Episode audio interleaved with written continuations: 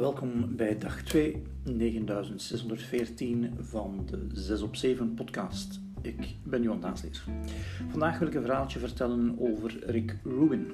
Ik was naar een oude podcast ontluisteren van Rick Rubin en Peter Attia. Dat doe ik soms.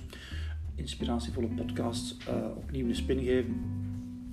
En uh, ik ben nogal fan van Rick Rubin. Um, het is een um, hele beroemde producer. Werd ooit de beste producer genoemd. Heeft met een hele loop acts gewerkt die je waarschijnlijk wel gaat herkennen. Onder andere Slayer, de Red Hot Chili Peppers, Adele, Metallica, Johnny Cash, Audioslave en nog een pak meer. Hij heeft dus een, een lange loopbaan, um, is ook heel vroeg gestart. En ik vind hem uh, een inspiratie voor een aantal redenen. De eerste is um, zijn idee bij het produceren van een artiest is ik ga voor de artiest zorgen zodanig dat hij zijn beste werk kan maken, niet noodzakelijk het best verkopende werk. Het gevolg daarvan is dat meestal de artiest een heel goed verkopende plaat heeft. Kijk maar naar Adele met haar album 21. En um, waarom dit mij inspireerde is omdat ik een boek aan het lezen ben dat noemt Oblique, waarin de premisse is dat doelen uh, bereiken op een rechte lijn zelden gebeurt. Dat het dikwijls via een andere weg is dat je dat doel bereikt.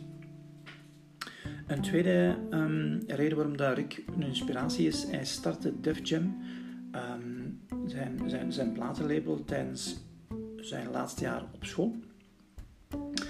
Um, hij produceerde daar een aantal platen voor uh, van hip-hop um, hoewel hij uit de metal en de punk scène komt. En tijdens een promotietour in Engeland ontdekt hij dat Def Jam niet zo gesteund wordt door het hoofdkantoor van hun wereldwijde partner. En natuurlijk, ze waren nog jong in de business, hadden ze zich een contract laten aannaaien, waardoor um, ja, er geen mogelijkheid was om uh, ervan onderuit te komen. Uh, de hoofdverantwoordelijke van hun partner had gezegd van nee, we gaan die platen niet uitbrengen. We laten liever nog een artiest doodbloeden dan um, in zee te gaan met iemand anders.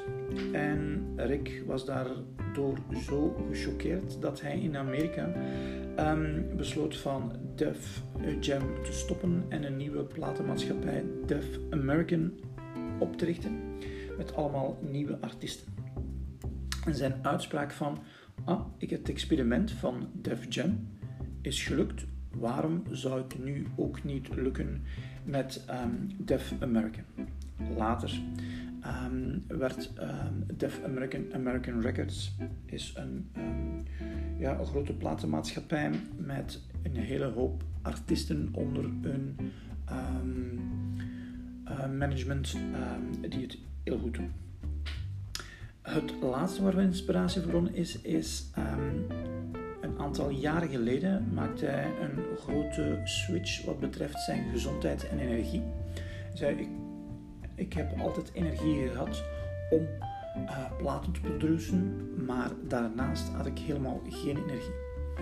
En via allerlei coaches, waaronder bijvoorbeeld Leert Hamilton, wereldberoemde surfer, is hij stapje bij stapje zijn gezondheid gaan verbeteren en zijn energie gaan verbeteren. Doet nu een aantal dingen heel consistent. Uh, koudwatertherapie, uh, Wim Hof, uh, breathing, sauna's is hem een heel grote fan van.